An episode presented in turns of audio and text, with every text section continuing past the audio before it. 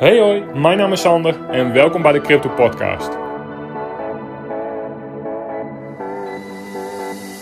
In deze podcast neem ik jullie mee door de gehele crypto space. Hou ik jullie op de hoogte van het laatste nieuws en de laatste ontwikkelingen op dit gebied, zodat jullie voor jezelf kunnen bepalen of crypto iets is wat bij je past. Content uit deze podcast is puur voor entertainment doeleinden en is geen zins financieel en of beleggingsadvies. Welkom en heel veel luisterplezier. Oké, welkom bij seizoen 3, aflevering 50.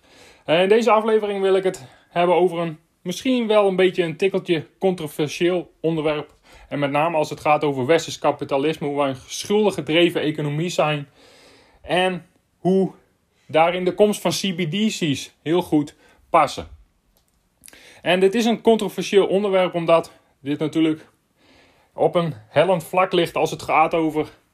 Ja, het klinkt allemaal als een complot, et cetera, et cetera, et cetera. En dat, dat snap ik allemaal wel.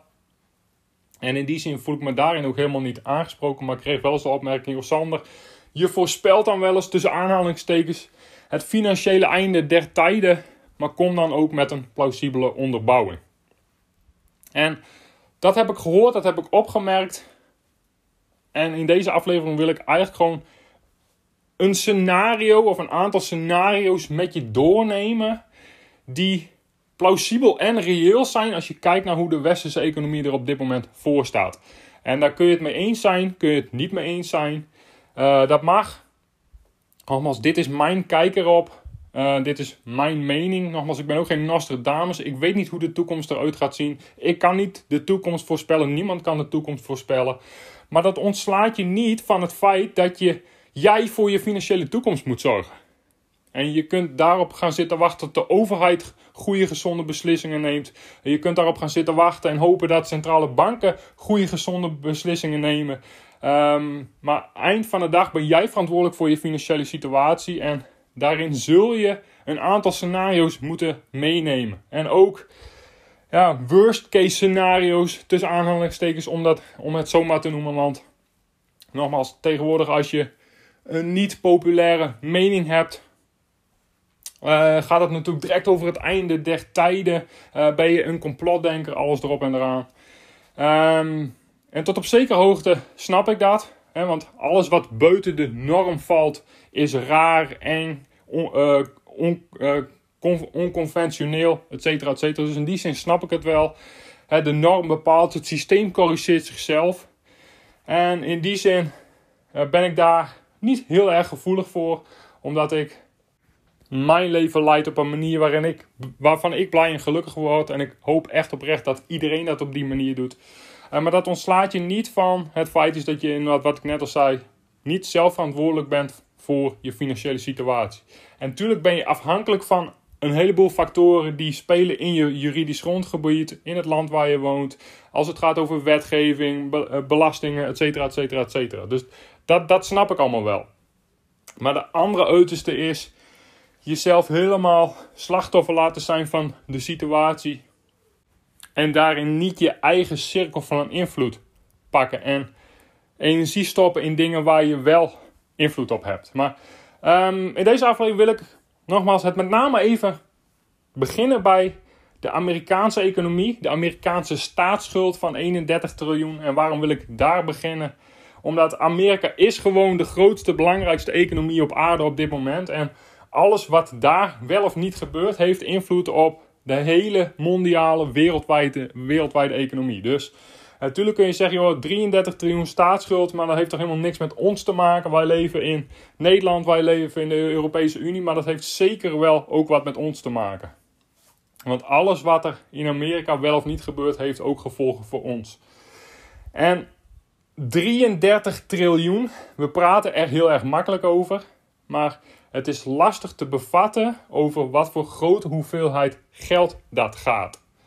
33 triljoen staatsschuld is niet te handhaven in de toekomst. En hoe zich dat precies gaat uitkristalliseren, wat er precies zou kunnen gaan gebeuren als de Amerikaanse economie uit de bocht vliegt, om het zo maar even te, te zeggen.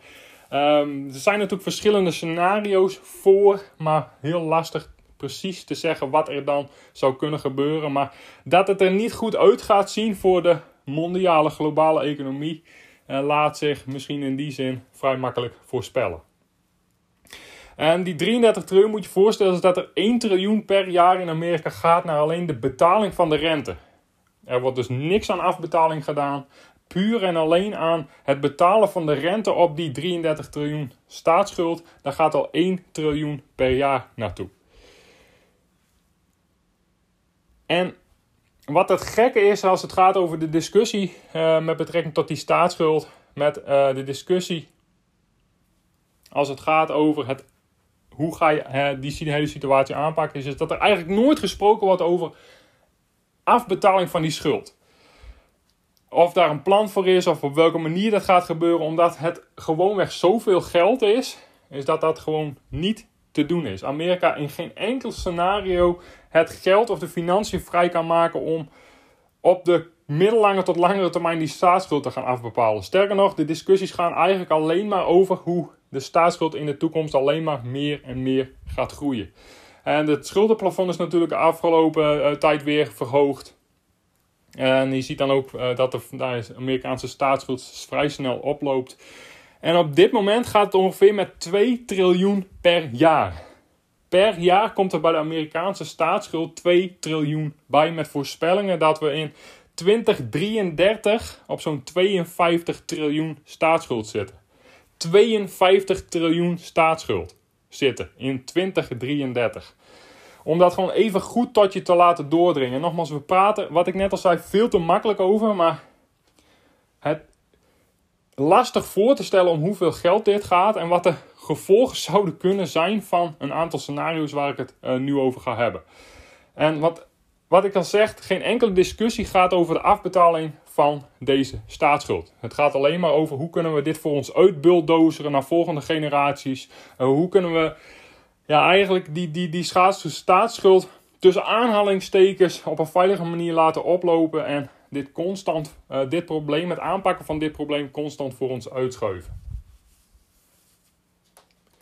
En in 2033 gaat 20, 20 dollar cent, in 2033 gaat 20 dollar cent van elke dollar die in Amerika verdiend wordt, naar alleen het betalen van de rente op de staatsschuld.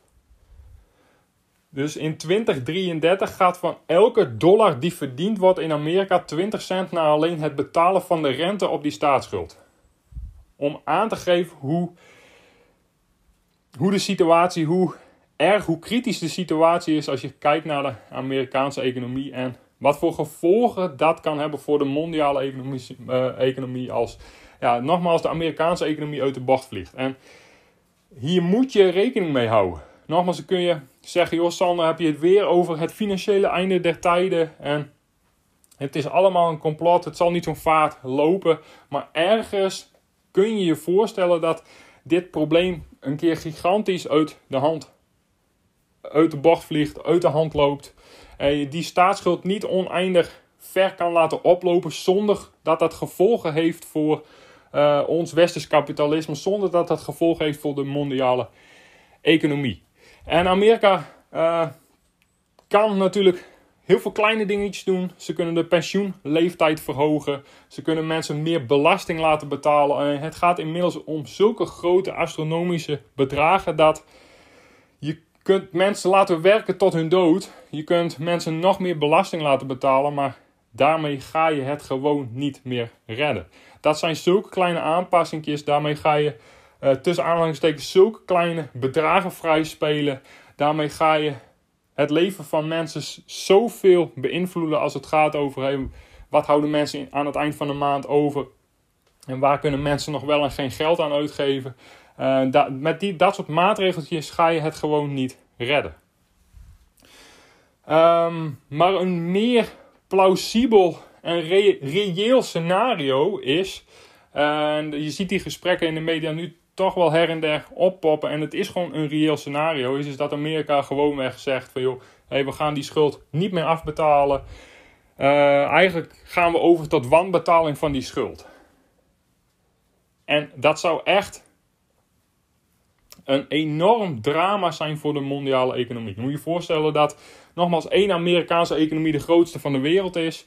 Uh, Amerika overal geïnvesteerd heeft en iedereen in Amerika geïnvesteerd heeft. Op wat voor manier dan ook. De hele mondiale economie is met elkaar verweven als het gaat over uh, investeringen, als het gaat over staatsschulden, als het gaat over uh, et cetera, et cetera, et cetera. Ik denk dat je daar inmiddels in de uh, moderne tijd wel een beeld van kan vormen hoe verweven die hele mondiale economie is. En als de grootste economie van de wereld zegt, joh, we gaan over tot wanbetalingen en we gaan die schuld en de rente daarvan op geen enkele manier meer betalen, het zij afbetalen, dat um, de mondiale economie vrij snel in een grote recessie terechtkomt. En dit is gewoon een reëel scenario omdat die staatsschuld inmiddels zo groot is, Amerika op geen enkele andere manier uh, het geld vrij gaat spelen om met een goed constructief plan te komen om over tijd die staatsschuld af te betalen.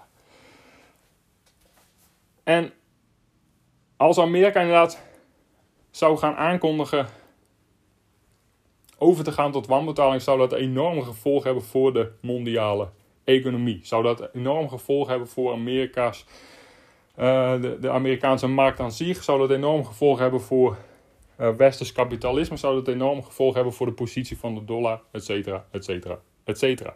En de kans dat de wereld dan in een grote recessie terechtkomt is vrij groot. Ander scenario is, is, dat, en dat hebben we eigenlijk de afgelopen jaren gezien, ook een plausibel scenario is, is dat uiteindelijk zal die geldprinter weer aan moeten. Om het een en ander voor ons uit te blijven schuiven, om de, deze problemen voor ons uit te bulldozeren naar volgende generaties, uh, ga je inderdaad gewoon tussen aanhalingstekens veilig en sustainable die staatsschuld laten oplopen. Door uiteindelijk gewoon weer geld bij te printen. En alleen het grootste probleem van geld bijprinten is dat je je currency gaat debasen. Je geld wat minder waard. Uh, er enorme inflatie optreedt. Daar de hardwerkende gewone man, de backbone van de maatschappij, weer de dupe van wordt en steeds minder te besteden heeft. Steeds meer in welvaart achteruit gaat. Dus je ziet het ook, uh, welk scenario het ook is. Uh, het gaat altijd ten koste van de welvaart van de gewone hardwerkende man en vrouw. En rekening houden met hey, hoe ziet de mondiale economie eruit? Wat zijn plausibele scenario's en wat zou ik in de toekomst in mijn leven kunnen verwachten? Of in het leven van mijn kinderen of mijn kleinkinderen kunnen verwachten? Ontslaat jou niet van het feit is dat ja, aan het eind van de dag uh, ook jij zelf moet gaan zorgen voor je financiële situatie. En dan rekening houden met waar staan we nu en wat zijn plausibele scenario's hoort daar zeker bij En dat zijn wel gewoon twee hele plausibele uh, uh, scenario's. Dus dat één is uiteindelijk die geldprinter weer aan moet gaan. En daarom ook die beramingen dat in 2033 de staatsschuld 52 triljoen uh, oplopen, gaat oplopen tot 52 triljoen. wat enorme gevolgen gaat hebben voor inflatie, voor de waarde van de dollar, voor de globale positie van de dollar. En dat enorme gevolg gaat hebben voor westers kapitalisme en ook voor het welvaartsniveau van ons in uh, Europa en in de Europese Unie. En een ander plausibel scenario, wat gewoon reëel is, ja, is, is dat Amerika uiteindelijk gewoon overgaat tot wanbetaling. En dan kom je natuurlijk weer in hoe daar complot. Uh, dat gaat allemaal wel heel erg ver. Maar, maar is gewoon reëel dat Amerika uiteindelijk gewoon gaat aangeven: door beste wereld. Wij gaan over tot wanbetaling. We gaan de rente niet meer betalen. En we gaan zeker die schuld nooit afbetalen. En um, nogmaals, dan een globale recessie zeker een plausibel scenario is. En je niet moet vergeten is, is en dan komen ook vrij snel die CBDC's om de hoek. Um, er natuurlijk uh, voor raamwerken liggen uh, voor, een, ja, voor meer kapitaalcontrole. En dat wil zeggen is, is dat eigenlijk overheden, banken uh, ten alle tijde willen weten um, waar je geld staat, hoeveel dat is en op wat moment je daar wat mee gaat doen. En dus eigenlijk meer kapitaalcontrole nodig is om uh, dit op deze manier te blijven doorgaan. En dan een goede crisis is dan het uitgelezen moment om met name CBDC's in te gaan voeren.